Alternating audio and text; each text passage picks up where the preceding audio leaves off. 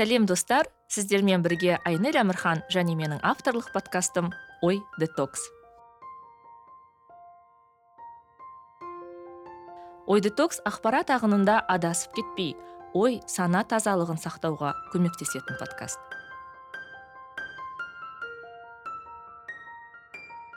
Сәлем достар. Ой детокс әлеміне қош келдіңіздер. Егер менің арнама әлі жазылмаған болсаңыздар міндетті түрде бірнеше секунд уақыттарыңызды бөліп дәл қазір жазылыңыздар. Себебі бұл мен үшін менің жобам үшін өте маңызды.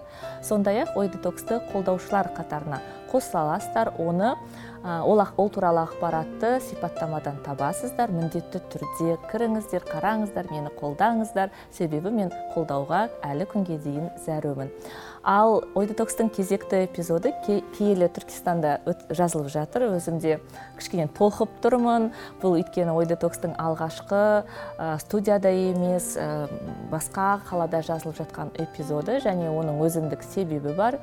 Оның негізгі себебі менің қонағым әйгерім бегімбет. Әйгеріммен көптен бері эпизод жазғым келіп жүреді.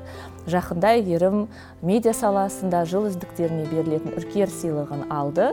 Және ол үркер сыйлығы түркістан әйелдері атты жобасына берілген болатын. Сондықтан әйгеріммен қайда қалай сөйлессем болады деген кезде неге түркістанда жазбасқа деген ой келді? Сондықтан әйгерім өзіңді ұстау үшін арнайы оңтүстікке келдім. Көңіл күйің қалай? Үркер сыйлығы құтты болсын. Әйгерім бізде журналист және фотограф. Рахмет. Көңіл күйім әрине тамаша бірақ кішкене қобалжып тұрмын.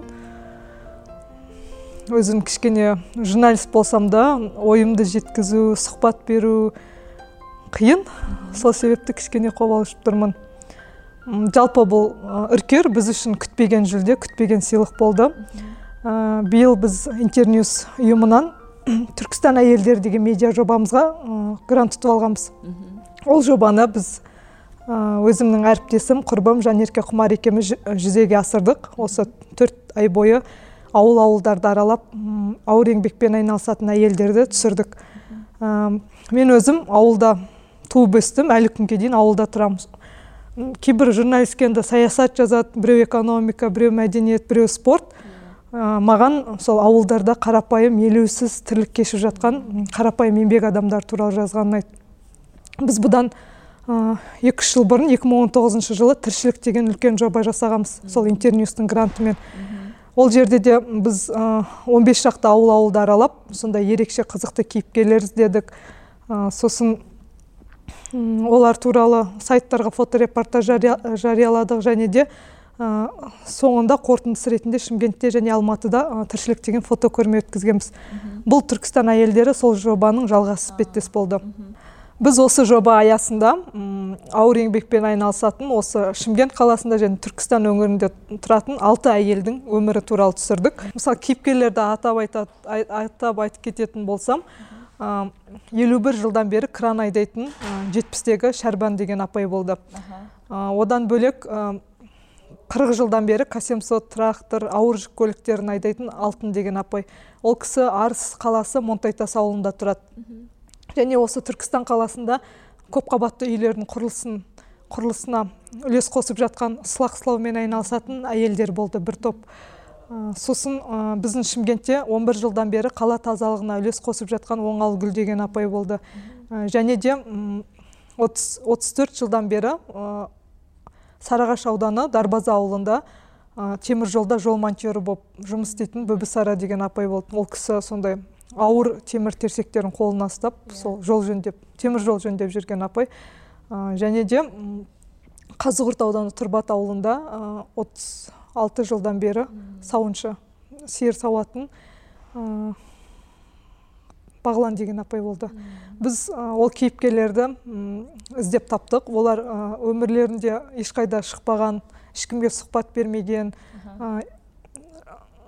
олар туралы ешкім ешқайда айтпаған адамдар ғой. Біз иә. сондай өз тірліктерімен ауылда сондай еңбек етіп жатқан апайларды іздеп тауып олар туралы фоторепортаж видеорепортаж жариялап ернұр kz сайтына шықты өзім шымкенттегі. Сөйтіп сол жобаның қорытындысы ретінде біз шымкентте және алматыда сол түркістан әйелдері деген фотокөрме жасап соны үркерге жібергенбіз. Сол сол жоба жеңіске жетті иә. Пост айттың жаздың ғой деймін иә? Сұхбаттың бірінде айттың ба мен? Ә, барам ба бармаймын ба деп ұзақ ойландым да мамамның пенсиясынан ақша алдым yeah. пенсияны қайтарасыңдар ма? қайтарамыз. Өйткені бізге үркерді бір күн бұрын ғана бізге хабарласты ғой сіздер номинанттар тізіміне ендіңіздер. Осы 28 қазан күні марапат болады астанада. Келе алсаңыздар келіңіздер деген сияқты. Біз күтпедік сосын ойладық барамыз да бармаймыз да. Бізден басқа тізімді қарадық кімдер өткенін. Енді финалға кез келген адам өте алмайды кез мықтылар өтеді деп. Сосын біз кішкене күмәндандық. Орын ала алмай қалсақ босқа шығындалып қайтамыз ба деп барамыз бармаймыз. Сол менде сондай үлкен сұрақ болды. Сосын үйге келіп айтам кешке жақын мамам мен әпшеме осындай байқауға қатысқан едік. Финалға өтіп тұрмыз астанаға шақырып жатыр деп сөйтсем олар сол теледидардан көрген екен. Хабарландыру хабарландыруын берген кезде мен өзім былай көп теле, көрмеген екен оны. ол кісілер телевизор көреді ғой. иә мен байқамағанмын ғой. Сөйтіп мамам айтты бар қайт енді алсаң да алмасаң да ол достарыңды көресің сондай күшті не көресің мен саған сол билетіңе жүз мың теңге берейін деп ұшаққа барып келу билет жүз мың теңге болып тұрған сол пенсиясынан жүз мың теңге берді. сөйтіп сол ақшаға астанаға ұшып барып келдім ғой. Иә иә. Шын мәнінде біз бәріміз өте қуандық. Енді сен бұл салада жаңа тіпті айтып жатсың ғой қауымдастықтағы мүшелерді мақтан тұтатын ағаларды. Бәрі ер адамдар да. Жаңағы асылхан ағай сияқты. Мен де айтамын да қыздар аз қыздарды қолдау керек фотоаппаратын көтеріп оның үстінде гламурный өмірді емес мысалы қарапайым халықтың тірлігін тіршілігін көрсететін ауылдар алайтын. Сондықтан өте бәріміз енді ел болып жаңағы сенің тілекшілерің болып ә, бәріміз қуандық. Тіпті шымкентке келгенде де ең бірінші ойым мысалы менің жұмыс бабымен келдім ғой бірақ бірінші ойым бұл міндетті түрде әйгерімді құттықтау керек деген сияқты. Иә рахмет. Құттықтау көрімдік жинадың ба? Иә жиналды әлеуметтік сол инстаграм сториске салған күні ақ сол достарым. Сол каспиіме жіберіпті көрімдік көрімдік деп. Соны кеше қай бір күні мамамның гәбі болған үйде жасағанбыз. көршілер де мың теңгеден көрімдік көрімдік деп беріп кетті. Күшті. Екен. Иә мен мысалы интервью өткізді ғой медиа уик па болды? Медиа фестиваль иә медиа фестиваль аясында ол көрмені көрдім. Және бір байқағаным шынымды айтайын енді кірдім да әйгерімнің суреттері дедім да деп бір рет бүйтіп жылдам қарадым да өте шықтым. Бірақ кейін белла айтты ма бақытгүл айтты ма айтты. Мына жақта жүрші көрейік күшті тракторды құрбысын алып қашып кеткенде тракторшы әйел жаңа құрбысына артынан қуып барған тракторға мініп деген сондай бір оқиға айтқаннан кейін мен қайтып келдім да бәрін мұқият оқи бастадым. Бірақ мен бір байқағаным әйгерім сол жерде қаншама медиа саласында жүрген адамдар болды иә. Бәріміз енді ол жақта басып өткен адам болмады ғой. Бір тоқтап қызығып қарап жүрген адамдар аз болған сияқты. Мүмкін мен енді тез кіріп кеттім байқамаған шығармын. Сен мысалы осындай ә, фото журналистикамен фото өнерімен айналысып жүрген адам ретінде жалпы жүрегің ауырмай ма? Сонша дүние жасап жатсың қандай керемет әйелдерді көрсетіп жатсың. Олар, олар жұлдыз емес ол жерде ерке есмахан болса бәлкім бәрі тоқтап көрер еді. Ешкімге аты жөні таныс емес әдемі апайлар бірақ таныс емес. Біз осы жолы мысалы бір суретпен бір әйелдің болмысын оның бүкіл табиғатын жұмысын біз көрсете алмаймыз ғой.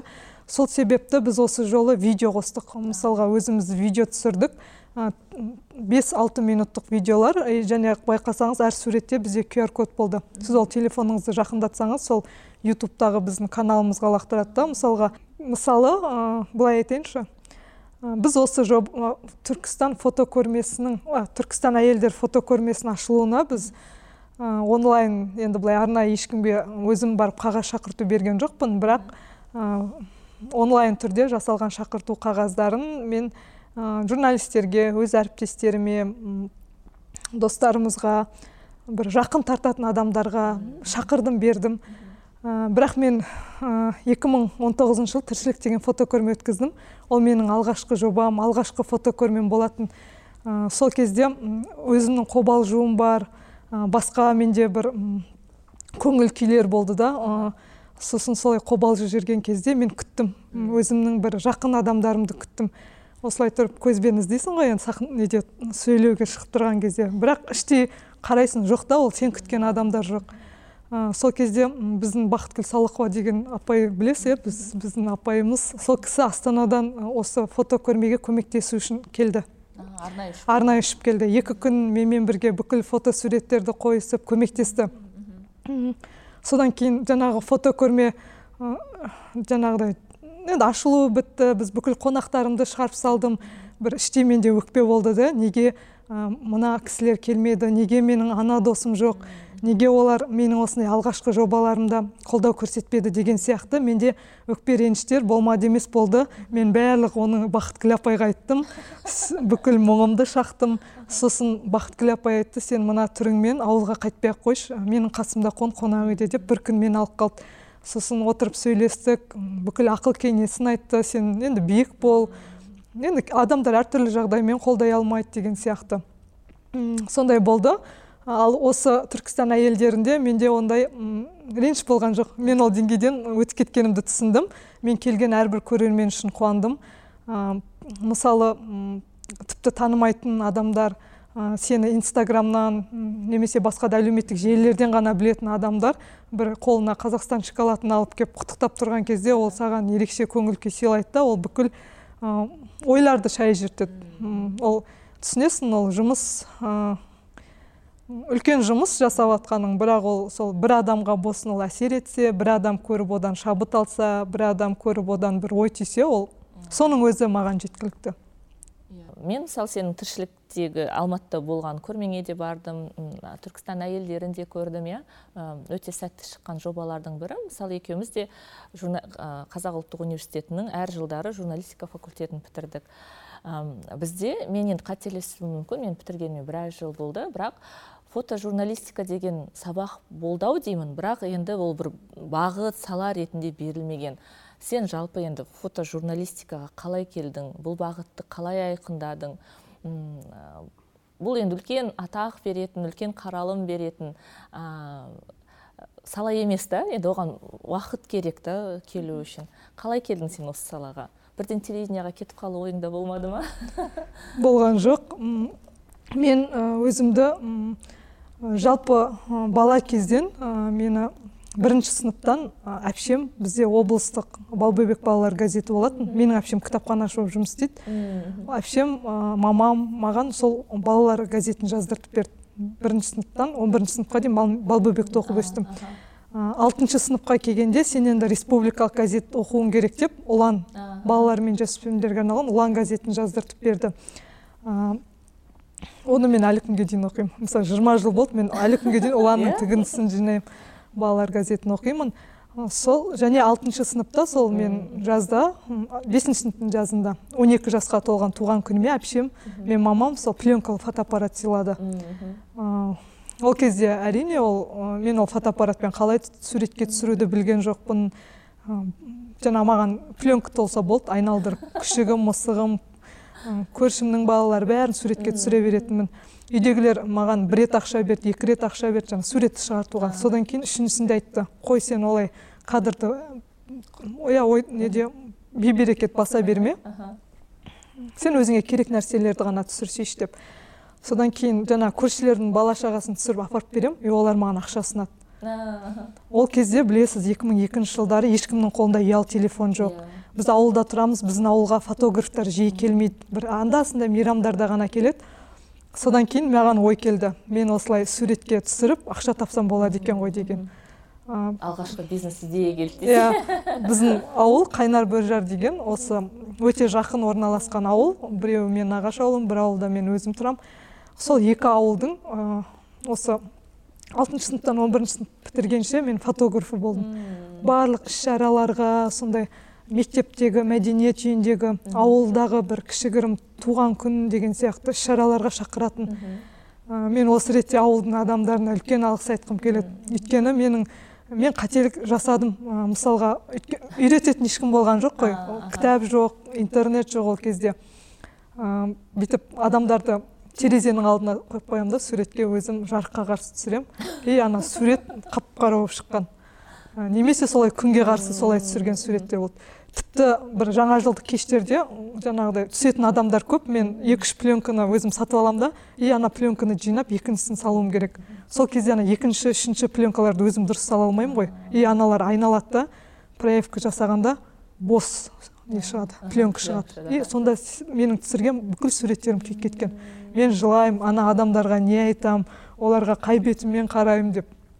Сол кезде ауылдың адамдары сондай мен кіп кішкентай бойым кішкентай өзім кішкентай сондай неме қарамастан ә, менің талабымды ұштап сен жақсы түсіресің сен рахмет осындай суреттерге деп жаңа қаладан жиырма теңгеге шығартамын сосын ауылға апарып алпыс теңгеден сатамын. Сөйтіп сатып алып әр суретімді шақырып менің былайша айтқанда фотографияға келуіме бір жол салып берді. Қазір ауылдың ауылға барсаңыздар әрбір үйде менің түсірген суреттер бар. Естелікке қалған аха. Мен солай журналистика факультетіне оқуға түстім. Ол тоғызыншы сыныптан бастап менде нақты мақсат белгілі болды. Мен казгуге журналистика факультетіне барам деген. Сосын журналистика факультетінде бізде бір телевизиялық журналистика деген пән болды бірінші курста. Ол пәннен апай тапсырма беретін. Қас қағым сәт табиғат пейзаж сондай әртүрлі фотографияның жанрларында суретке түсіру керек. Ол кезде де менде кірпіш телефон 2008 жыл. Өзім тұйықпын ешкіммен олай қатты араласпаймын. Ана тапсырмадан қалып бара апайдан сөз естимін кейде. Сол әпшем мен мамам аптасына бір рет маған қоңырау соғады осылай. Сабағың қалай? деген сияқты. Сол бір қоңырау соққан кезде мен айттым сабағым осы сабақта мен қиналып жүрмін. Өйткені менде фотоаппарат жоқ. Осы сабақ тапсырманы орындау үшін деп. Сөйтсем келесі сенбі күні әпшем хабарласып тұр. Ә, мен саған фотоаппарат алып салып жіберттім. Ә, сайраннан автобустан күтіп ал деп. Сол әпшем ол кезде кітапханашы енді әлі күнге кітапханашы отыз бес мың айлық алатын. Соның жиырма бес мыңына сол мен сурет шығаратын жерден барып сұрап плен уже сандық фотоаппарат қой цифровой фотоаппарат алып салып жіберген ғой. Сөйтіп сол фотоаппарат төрт жыл мен университет бітіргенше менің ғана емес бүкіл журфактың фотоаппараты болды. Жаңағыдай барлық студенттік өмірді іс шараларды суретке түсірдім. Сол бізде екінші курс кезде фотожурналистика деген таңдау пәні болды. Мен ол сабақты әрине қуана қуана таңдадым. Асхат еркінбай ағай сабақ берді. Асхат еркінбай фотожурналистика иә бізге бірінші жылы асхат еркінбай ең алғаш сол фотографияның фотосуреттің ережелерін сол кісіден үйрендім. Сосын төртінші курсқа келген кезде бізге асылхан әбдірайымұлы аға келді. Мен ол кісіні жас алаштан оқып өскенмін. Асылханның фотосы бірінші газет ашамын да асылханның фотосы деген суреттерді іздейтінмін. Және жас алашта сол кезде фотоөнер деген арнайы бет болатын. Мен ол бетті бөлек алып жинайтынмын. Сол асылхан ағаның бірақ ол бізден төменгі курстарға сабақ берді мен төрт оқимын ол кісі үшінші курстарға сабақ берді. Соны ана кісінің сабағына қызығамын танысқым келеді өзімнің фотографияға қызығатынымды айтқым келеді. Бірақ мен сол айттым ғой тұйықпын жасқаншақпын ұялшақпын іштей дайындаламын мен қазір мына кісімен жолығамын амандасамын сосын өзім айтамын деп ойлаймын. Бірақ бетпе бет келген кезде ұяламын да амандасам да өтіп кетемін сонымен ә, солай сөйтіп жүріп мен төртінші курсты бітірдім ғой. Соны бітірдім. Сосын айтпадың айт, айтқан жоқпын ұялдым. Сосын шымкентке кеттім. Сосын пернетақта мен монитордың ар жағында бәрібір батырсың ғой кішкене. Сосын mail.ru почтасын тауып алдым да қатжай жүрдім асылхан аға сәлеметсіз бе? Менің аты жөнім осындай. Мен фотографияға қызығамын. Қалай неден бастасам екен қандай фотоаппарат алсам екен деген сияқты хат жазып жүрдім ол кісі маған іле шала жауап берді. Айтты мен қазақ қыздарының фотографияға қызығатынын естісем қуанамын. Өйткені бізде фото өнерде санаулы қыз бар қазақ қыздары.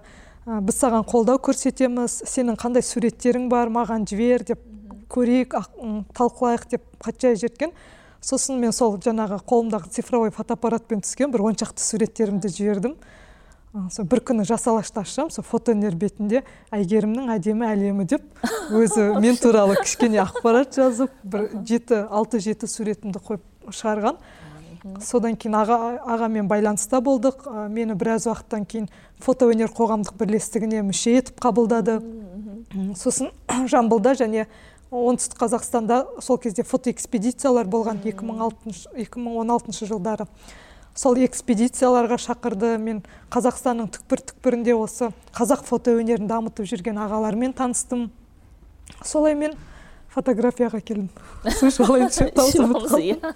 ал фотожурналистикаға фоторепортаждар сериясын жасауға мені вокс попули ынталандырды ғой. вокс попули біз студент кезде өте дүркіреп әлішер иә. ерікбаевтың кезінде сондай белсенді сайт болды. Мен олардың әрбір фоторепортаждарын қалдырмай қарайтынмын. Орысшам өте нашар болса да әрбір суреттің әрбір текстке. Карла нұр қанат бейсекеев райхан раким иә мен олардың барлығына сол хат жазып шығатынмын. Сонда мен райхан раким маған жауап жазды. Бір хатыма. Мен ол кісіге айттым. Сізбен танысқым келеді. Менде солай фотоға түсіргенді жақсы көрем және текстті жақсы жазамын. Және де ерекше кейіпкерлер іздеп жүргенді жақсы көрем осыны сіздермен қалай бірге жұмыс істесем болады деген сияқты мен өзім хат жазғанмын ол кісіге. Сонымен бір шымкентке келген сапарында біз арнайы кездестік. Шай іштік бір съемкасына бірге ертіп барды содан бері мен ол кісіден сұраймын сіз мысалға кейіпкерді қалай ашасыз оның жан дүниесін қандай сұрақтар қоясыз? Мысалға өте тұйық адамдарды мен сияқты сіз қалай сөйлетесіз деген сияқты сондай өте көп сұрақтарым жаудыратынмын. Және ол кісі жауап беретін. Сол орысшам нашар болса да біз екеуміз күшті түсінісетінбіз. Сол кісі мысалға мен 22-23 жасымда мен әлі өз өзіме сенімім аз кезде ол кісі маған қатты сенетін. Маған сен шымкенттің газеттерінде қалып кетпей мынандай республикалық сайттарға репортаж жаса фоторепортаж жаса сенің қолыңнан келеді деп сол кісі мені ынталандырып солай ынталандырып жүретін. И мені сол фото журналистикаға осындай ерекше кейіпкерлер фоторепортаж жасауға алып келген сол райхан раким. Мысалы қазір әйгерім бәріміздің қолымызда телефон бар да? Бәріміз шетімізден фотографпыз видеографпыз мобилографпыз иә? Және мен ойлаймын біз ә, фото өнеріне бір қастандық жасап жүрген адам сияқтымыз. Себебі сала түсіреміз ә, бірден жаңағы әлеуметтік желілерге саламыз. Бірақ ә, былай қарасаң ә, фотоның өзіндік функциясы бар ғой. Ол сол мезетті ә, қас қалпында беру. Иә сақтау. Мысалы түркістан әйелдері атты жобалар да ә, тіршілікте де мысалы адамның қарапайым адамның тіршілігін көрсету біз фото арқылы үңілеміз де біздің фантазиямыз енді мен өзім қалай фантазиямыз оянады да жаңағы бір қандай да бір оқиғаны елестетеміз. Қазір екінің бірі фотограф болған заманда фото журналистика оқу қажет пе фото өнеріне келу қажет пе жалпы сен өзіңнің миссияңды өз қызметіңді қалай бағалайсың? Қажет емес деп ойламайсың ба? Жоқ ол жақсы ғой. Енді кез келген адам ол фото өнерге фотографиямен айналысудың қажеті жоқ та. Енді ол өйткені ол өзінің саласы басқа ғой. Ал бірақ өзінің естелік үшін ол отбасының естелігі үшін өз өмірінің естелігі үшін ол жүрген жерін суретке түсіріп жүрген ол жақсы. Ол адамды бір көзқарасын тәрбиелейді бір сұлулыққа сондай айналадағы болып жатқан оқиғаларға бейжай қарамауға бір ізденімпаз сондай байқағыштық сондай қасиеттерін дамытады да ол. Ол жақсы. Ал енді қазақ былай фото өнерді дамытуға ол меніңше жаңа арнайы мамандар иә фотографтар ол айналысу керек деп ойлаймын. Енді фотографтардың да түрлері көп қой. Мысалға біреу коммерциялық фотосессиямен табыс табады біреу тоймен біреу жеке фотосессиялар біреу тіпті спорттық іс шаралар иә әртүрлі. Бірақ бәрінің түпкі бір несі мақсат ой келген кезде сол қазіргі болып жатқан қазіргі біздің осы сәтті осы уақытты болашақ ұрпаққа бір мұра ретінде қалдырып жатыр деп ойлаймын шы кімді атай аласың бізде? Қазақстанда жаңа асылхан ағаны айтып жатсың иә? Вокс популия кезінде қаншама адамның фото өнеріне деген құрметпен қарауға ана сторителлингті оқуға себепкер болды. Сен барсың қазақ қыздарының ішінде кім тағы бар? Бізде фотографтар өте көп. Әлеуметтік мен мысалы коммерциялық деп айтып жатқан жоқпын. Әлеуметтік түсіріп жүрген. Меніңше мынау облыстық республикалық газет журналдар сайттар және мемлекеттік қызметте министрлікте істеп жүрген фотографтар бар ғой. Солардың барлығы осы қазақ фото өнерінің дамуына үлес қосып жүр деп айта аламын енді басқалар үлес қосып жүрген жоқ деп ренжіп қалмасын. Иә. Бірақ осы кісілер өйткені олар күн сайын неше түрлі іс шараларда күн сайынғы болып жатқан процесті түсіріп архивке жинап жатыр да қазір. Мысалы олар жүз жылдан кейін мүмкін бізді қазіргі түсіріп жатқан суреттерді болашақ ұрпақ зерттейтін шығар. Мысалға қандай не деген сияқты. Жалпы қазақ фото өнерінің дамуына үлес қосып жүрген асылхан ағаны айттым иә ол кісі осы фотоөнер қоғамдық бірлестігін құрды бірнеше жыл бұрын. Өйткені бізде қарасаңыз қазақша фотография туралы кітаптар жоқтың қасы. Бәрі орыс тілді иә қазақша кітаптар мүлдем жоқ. Сол қазақ тілді кітап құру қазақ фотографтарының басын қосу оларды түрлі фотоэкспедицияларға шығару оларға қымбат техника. Олардың бір фото байқауларын фото көрмелерін ұйымдастыру сосын өмірден өтіп кеткен біздің фотограф иә үлкен ата ағаларымыздың жаңа архивтерін жинау олардың еңбегін көрсету деген сияқты көп мақсаттарын біріктіріп сол асылхан аға осы қазақ фотоөнер қоғамдық бірлестігін құрды. Қазір нақты білмеймін ол жерде қанша мүше бар екенін. Бәрі ер адамдар шығар. иә ер адамдар. Қыздар бар қазір. Иә мысалға шүкір шақай аға премьер министрдің фотографы сосын бізде сәрсенбек қызайбекұлы мақсат шағырбаев жеңіс ысқабай оңғарбек алқаров аға иә? Әркімнің өзінің салалары бар бағыттары бар түсіретін. Бірақ өте көп бізде фото өнерге үлес қосып жүрген адамдар. Сен енді ұзақ жылдар бері мен енді сен білмеймін қызметте болдың ба болмадың ба? Бірақ менің білуімше сен оқуды қалай бітірдің? Бірден фрилансқа кеткен фрилансер журналистердің бірісің. Қалай жалпы бұл салаға қалай келдің табыс табу мүмкіндігі бар ма қорықпайсың ба? Жалпы бізде енді фриланс деген сөз түсінбейді ғой көп адамдар. Саған айтпай ма не істеп жүрсің сен өзі? Бір басында айтатын. Мен жұмыс істедім жұмыс істедім. Осы 2012 жылы диплом алып шымкентке келдім. Содан кейін бүкіл газет ә, телеарналарға резюмемді жіберіп қойдым түйіндемемді. Ойладым енді казгуді бітіріп келді қолында журфактың дипломы бар олар мені жұмысқа шақыратын шығар деп. Соны почталарына жіберіп қойып екі апта үйде күтіп жаттым. содан кейін ешкім хабарласқан жоқ. Содан кейін қолыма қағазға шығарып алдым да араладым. Бірінші сол білмеймін неге екенін. Телеарналардан аралап бастадым. Екі үш телеарнаға бардым. Сосын сөйлесуде онша көңіліммен шыққан жоқ. Содан кейін отырар телеарнасына бардым. Валентина куликова деген апай куприяновна. Біз ол кісіні апа деп айтамыз да. Жасы үлкен кісі ғой. Сол кісі мен енді айттым орысшам нашар соны мен айтамын апаға кірмеймін мен не деп сұраймын? Ол кісі сұхбаттаса алмаймын деп сонымен жәмила мамырәлі деген апайым бар. Ең алғашқы мен ресми бас редакторым болған оңтүстік рабатта сол апай ол кезде эмагент қой сол айтты. Әйгерім кел мен өзім саған аудармашы болып тұрамын. Иә. Кіреміз алдына сөйлесеміз деп сөйтіп келдім отырарға бардым. Сосын қабылдады. Сосын сұрақтар қойды. Мысалға біздің телеарнада не көресің қандай өзгерістер енгізу керек деп ойлайсың жаңалықтарды қалай ойлайсың деген сияқты сұрақтар қойды соны қазақша жауап бердім апай орысша аударады ол кісінікін қазақшаға аударады. Содан кейін маған екі апта сынақ мерзімі берді. Екі апта сынақ мерзімін көр содан кейін егер де ұнасаң жұмысқа аламыз деген сияқты. Бірақ сол екі аптаның ішінде мен телеарна менің салам емес екенін түсіндім. иә мен микрофон ұстағым келмейді съемкаларға шыққым келмейді. Бірақ енді қашып кетті деп ойламасын деп мен екі апта соңына дейін өттім. Содан кейін ойымның бәрі алматы ғой алматыға кету керек деп сосын.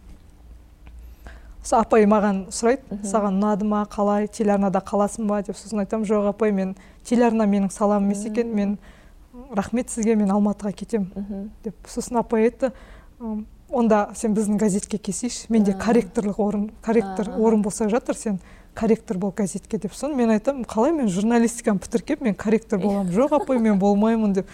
Сөйтсем сол айтады. Кезінде мұхтар шаханов тағы басқа үлкен кісілер ең алғашқы жұмысын корректордан бастаған. сен тек газеттің қатесін түзеп отырмайсың ғой сен мақала жазасың демалыс күндері сайтқа жазасың телеарнада жұмыс жасайсың. Иә ол үлкен медиа холдинг. Содан кейін мен келісіп қалдым. Сол мен оңтүстік рабатта екі жылдай жұмыс істедім қалалық газет облыстық газет қоғамдық саяси облыстық газет. Сосын ол жақтан шығып мен шымкент келбеті қалалық газет. Сол жақта жұмыс жасадым ол жақта бір жарым жылдай жұмыс істедім.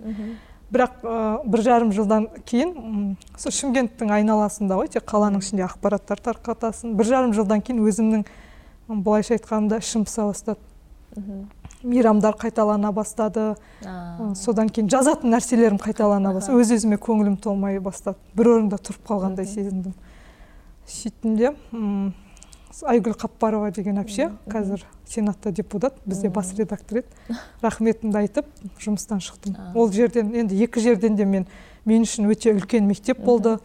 Журналистикада осы оңтүстікте мен қаншама адамдармен таныстым. Орта қалыптастырдым көп нәрсе үйрендім жазуым қалыптасты деген сияқты ғой. Сондай үлкен мектеп болды.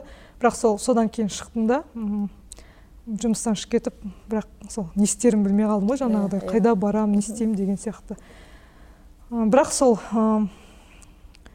білмеймін менің өмірімде өте көп жақсы адамдар жолығады да. Сол кейде ойлаймын сол құдай менің қай қылығым қай ниетім үшін сондай жақсы адамдарды жолықтырады деп ше.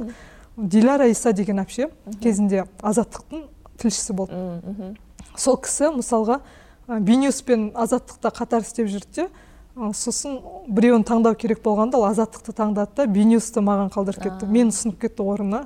Әйтпесе мен диплом қолыма енді алған журналистикаға енді араласып жатқан маманмын ғой. Әйгерім жасай алады деп оңтүстік қазақстанның сол облыстағы меншікті тілшісі ретінде мені ұсынып кетті. Сол бейнюстан бастадым. Содан кейін мұнара сайты әртүрлі сайттарға сол қосымша қаламақыға жазып жүрдім. Ортасында жұмыссыз ақшасыз қалып кеткен кездер болды. Сол фотографиямен айналыстым той томалақ түсірдім іс шаралар түсірдім. Әйтеуір түрлі тапсырыстарды орындап фрилансер болып кеттім. Басында иә тіпті мен ішім түсінген жоқ басында мені. Сен не бүгін жұмысқа бармайсың ба? деп. Кейде енді ақшаны реттей алмай қаламын сосын үйдегілерден ақша сұрайсың. Содан кейін ренжиді олар. Сен бір орында тұрақты жұмыс істесейші сен былай қашанғы жүресің деген сияқты. басында өте көп не болды? Реніштер түсініспеушіліктер болды. Бірақ мынау карантиннен кейінгі бізге фрилансерлікті түсінуге алып иә, келді ғой. Көп иә. адамдар одан кейін барып өздері ақ фрилансерлікке ауысып дамып кетті. Қазір қуанамын. Өйткені кез келген уақытта тау тасқа табиғатқа шыққың келсе рюкзагыңды асынып кетіп қаласың. Басқа да іс шараларға енді сен той томалақтарды қазір түсіресің ба? Қазір түсірмеймін. Кезінде түсірдім. Енді сенің объективіңде енді жалпы сен әйгерім бегімбет дегенде қарапайым халықты көрсететін фотограф деген бірден менде ассоциация да. Ә, жалпы қандай жоспарларың бар? Ә, кімді түсіргің келеді қай, нені түсіргің келеді? Адамдар қала бере ма? Мүмкін табиғат деген сияқты нәрселер бола ма? Ойландың ба? Қала беретін шығар. Адамдар адамдар қызық мүмкін өйткені қараңызшы біздегі журналистер иә біздің әріптестер барлығы ну қазір сайттарды ашсаңыз әншілердің өмірі немесе басқа ұрлады тонап кетті зорлап кетті деген сияқты ауыр жаңалықтар. Ал қарапайым еңбек адамдарына тіпті ауылдарда тұратын ешкім назар аударып жатқан жоқ қой. Соны ойлаймын да оларда бір жарыққа шығу керек оларды басқа олардың еңбегі насихатталу керек олардың үні естілу керек оларды басқа жастар басқа адамдар үлгі тұту керек оларды ел білу керек деп. Сондықтан мен бұл жұмысты енді жоба бізде бітті гранттың ақшасы аяқталды. Бірақ ары қарай өзіміз үшін жалғастырғым келеді. Тек фоторепортажбен ғана емес біз қазір сол ютубқа видео контентпен шыққымыз келеді. Сол өзімді сол операторлық режиссерлық сондай қырымнан да сынап көргім келеді. Сол үшін біз жалғастырамыз. Әлі де ауыл ауылдарды аралап ерекше қызықты кейіпкерлер іздейміз. Және де ол тек біздің шымкенттің ғана көлемінде емес мен алматы астанаға үлкен фотокөрмелермен барғым келеді. Сол үшін біз жалғастырамыз. Иә өте қуаныштымын. Жалғасын тапсын жоба. Себебі өте маңызды жобалардың бірі. Тек қана мына оңтүстік өңірмен шектеліп қалмай ә, басқа өңірдегі қарапайым еңбек адамдарын көрсететін бір жобаға ұлассын. Ә, кітап жазылсын. Жаңа сен айтып жатсың қазақ тілінде кітабы аз деп. Шын мәнінде андай әдемі фотографиямен көркемделген суреттер бар ғой. Біз әдетте қымбат біреуге сыйлыққа бергенге немесе шетелден алып келгенде өте сондай мен де ойлаймын неге қазақ тілінде жоқ сондай болса екен шіркін деп. Сондай бір жоба болсын деген тілегім бар.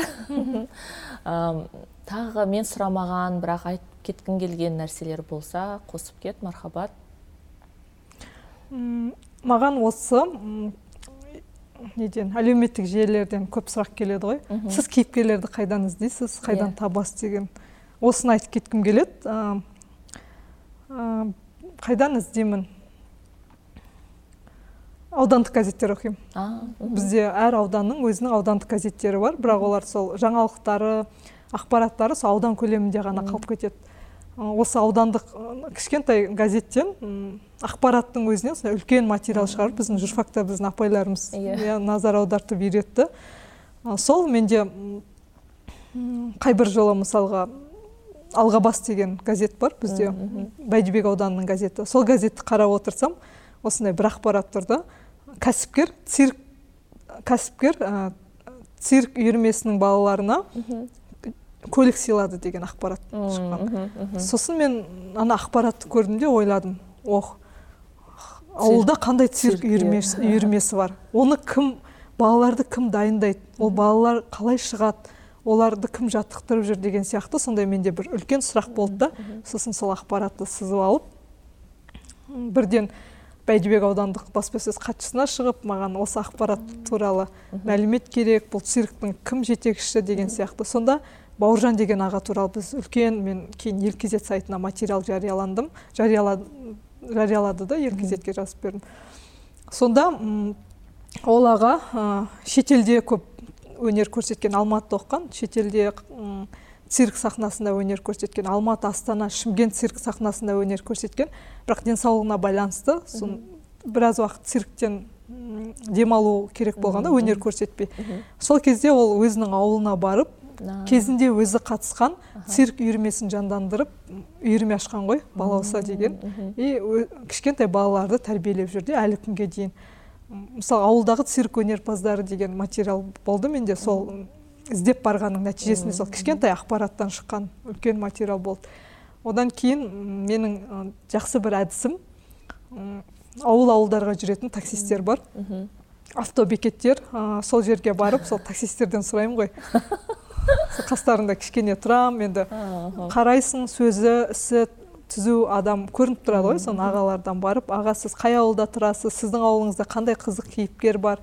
Қандай сізде проблемалар бар? деп. Мысалға біз тіршіліктегі көп ә, кейіпкер төп көп проблемалар бізге таксисттер айтқан. Мына ауылда су жоқ мына ауылда байланыс жоқ мына ауылдың жолы нашар осыны барып түсіріңдерші деген сияқты. Біз ә, көрдіңіз ғой менде суреттер иә. бір, бір литр су бір теңге деген сияқты суреттер болды. Сол таксистердің айтқанымен барып түсірілген нәрселер болды. Екінші әдіс үшінші әдісім ол әлеуметтік желілердегі әрбір ә, мен ақпаратқа әрбір сөйлемге мен қатты назар аударып отырамын да. Ә, мысалға ә, сіз білесіз ба бұдан менде төрт бес жыл бұрын күрке тауық бағып геленваген мінген жігіт деген материал иә, шыққан yeah, yeah, информбюроға сол материалдан кейін жаңа күрке тауық бағатын бақыт жұлдыз болып кетті. Біздің бүкіл телеарналар бүкіл республикалық бағдарламалардың барлығы бақытты қонаққа шақырып ол туралы бағдарлама не это сюжет сондай не жаңалықтарға жасаған. Мысалға сол өзі сол туралы материалды мен фейсбуктан таптым. Ол өзі туралы қысқаша мен бақытпын жеті жылдан бері күрке тауық бағамын сол күрке тауық бағып мен геленваген міндім деп оларға бір бизнес туралы курс оқығанда сол профилінде жазып қойған ба иә, шапкасына? тапсырма бергенде иә. олар сендер өздерің туралы айтыңдар адамдарға деп. Сосын ол бірінші рет өмірінде фейсбукқа тіркелген да сөйтіп өзі туралы жазып қойыпты оны менің бір ортақ достарымыз бөліскенде ол мен лентама шықты да. Мен сразу бақытқа хат жазып бақыт сені қайдан табам телефон номерін қалдырсаң деп хабарласып. Солай ә, біз өте жақсы фотоматериал жариялағанмын. Және ол сол менің немдегі осы материалдар тізіміндегі ең көп қаралым жинаған материал болған. Ә, мен кейіпкерлерді осылай іздеймін. Егер де мені көріп отқан сол оқырмандардан сұраймын. Егер де осындай сізде өз ауылыңызда тұратын сондай ерекше кейіпкерлер білсе айналасында жүрген адамдарды білсе маған хат жазса мен осы кез келген ауылға барып түсіруге дайынмын олармен әңгімелесуге сұхбат алуға дайынмын. Біз негізі өзіміздің айналамызда жүрген адамдарға көп назар аудармаймыз. Олар біздің жаңа күнделікті жаңағы салт салтымызға еніп кеткеннен кейін олар бізге кәдімгі әдеттегі адамдар сияқты болып көрінеді де. Сол әйтпесе біздің әрқайсымыздың жанымызда ондай ерекше қызық кейіпкерлер жүр негізі. Иә. Соны біз шығарып бөлісіп айтып олар туралы. Негізі мен сенің айтқаныңмен келісемін да себебі бір күн бұрын шымкентте кездесу өткіздік қой ой детокс тыңдармандарымен жалпы подкаст сүйер қауыммен. Сонда мен таң қалдырған пікір бір нәрсені талқылап жатқанда айтты қазір адамдар жылтыр өмірге деген қызығушылықтан бай өмірге деген қызығушылықтан кетіп бара жатыр. Алдыңғы орынға еңбек адамы шығып жатыр сапалы дүниелер шығып жатыр деген мен қуанып қалдым. Себебі менің басымда әлі күнге дейін халықтың басым бөлігі сол жылтыр дүниеге қызығатын сияқты. Тіпті бізде бір қандай да бір өзгерістер енгізу үшін төбеден бір жарлық келу керек сияқты. Мысалы жаңа сен айтып жатрсың ғой еңбек адамы сенің объективіңде болғаны қанша жыл болды иә? Ал тоқаев президент иә мысалы күзгі жолдауында біздің алғашқы орынға еңбек адамы шығу керек. Қандай да бір еңбек адал еңбекпен әм, күнін көріп отқан адамдар әм, лай, не, экрандарға шығуға қандай да бір құрметке ие болуға лайықты дейді. Мысалы содан кейін ғана елдер ойбай қарапайым еңбек жасап жүрген әйелдер бар ма еркектер бар ма анау тракторшы бар ма сиыршы сауыншы бар ма деп төбеден жарлық келгеннен кейін бір назар аудара бастағандай болды. Иә мен он жылдан бері менің кейіпкерлерім еңбек адамдары мысалы осы түркістанға жақын қызылшаруа деген ауыл бар. Мысалы сол жерде перизат деген апай бар. 26 жылдан бері қамыс сорып сататын апай. Одан бөлек мына гүлшат деген апай бар. Төрткүл ордабасы ауданы төрткүл ауылында тұрады. Ол кісі де қырық жылдан бері трактор айдайды. Ауылдағы жаңа барлық отын су көмір шөбін сол трактормен тасып беретін апай. Одан бөлек лимон өсіретін аға бар жаңағыдай ұшақ құрастырған аға бар. Иә іздесе шығады өте көп біздің арамызда. Тек олар өздерін насихаттағанды жақсы көрмейді. Олар айқайлап айтпайды. Олар өздері туралы мысалға кейбір адамдар ғой бізде. Бір кішкентай бір іс тындырады да сосын мен осындай нәрсе істеп жатырмын деп. Ал олар деген мысалға сонша жыл біздің экономикамыздың біздің қоғамның дамуына тек үй шаруасына ғана емес сыртқы дүниелерге мысалға үлес қосып келе жатыр. Жаңа көп балалы аналар да олардың барлығының кемі төрт бес баласы бар. Бірақ олар өздері туралы айтқанды жақсы көрмейді. Олар өздерін жарнамаламайды айқайлап өздері туралы айтпайды. Сол себепті сол біздер оларды іздеп мысалы менің кейіпкерлерімнің барлығы олар басында келіскісі келмеген адамдар. Бізді жарыққа шығармай ақ қойшы. Неге біз айтуымыз керек? Басқа да адамдар толып жүр ғой деген сияқты. Басында сұхбат беруге келіскісі келмеген. Олар өздері жаңағыдай сайтқа жарияланып олар туралы адамдар пікір айта бастағаннан кейін барып ол өздері туралы мақтаныш көре бастады. Мен өмірімде бірінші рет өз мамандығым туралы айттым. Бірінші рет телеарнаға сұхбат бердім рахмет сендерге деп кейіпкерлер одан кейін барып істеді басында олардың барлығы қарсы болған. Иә рахмет. Әйгерім әдемі әңгіме үшін бағана ой сөйлей алмаймын бір сағат не айтамын деп едің бір сағат өте шықты. Сондықтан алтындай уақытыңды бөліп біраз уақыттан кейін болса да ә, менімен тілдесуге келісім бергеніңе рахмет. Мен үшін бұл өте құнды. Мен бағалаймын. Тіпті сенің арқанда түркістанға да келіп жатырмын. Осы эпизодты жазып жатырмын. Бәрі бекер емес. Оның үстіне сенің үркер алғаныңды сен де мен де күтіп жүрген болғанбыз ғой. Иә сізге рахмет. Иә. Осымен достар ой детокстың кезекті эпизоды аяқталды. Біз негізі қайда түсіреміз деп ойлағанда басында ойладық. Сыртта далада түсірейік деп. Бүгін бірақ ауа райы да реті болмады. Оның үстіне ушу көп бола ма дедік. Сондықтан бізге осы эпизодты түсіруге мүмкіндік берген түркістан музыкалық драма театрына үлкен алғысымды білдіремін. Ой детоксқа жазылмаған болсаңыздар міндетті түрде жазылыңыздар. Әйгерім жаңа айтып жатыр ғой кейіпкерлер болса хабарласыңыздар деп мен әйгерімнің инстаграм парақшасын міндетті түрде көрсетіп кетемін. Комментарий қалдырыңыздар қолдаңыздар достарыңызбен бөлісіңіздер. Бұның бәрі ой детокс әлеміне келетін адамдардың қатарын көбейтуге өз үлесін қосады. Сау болыңыздар.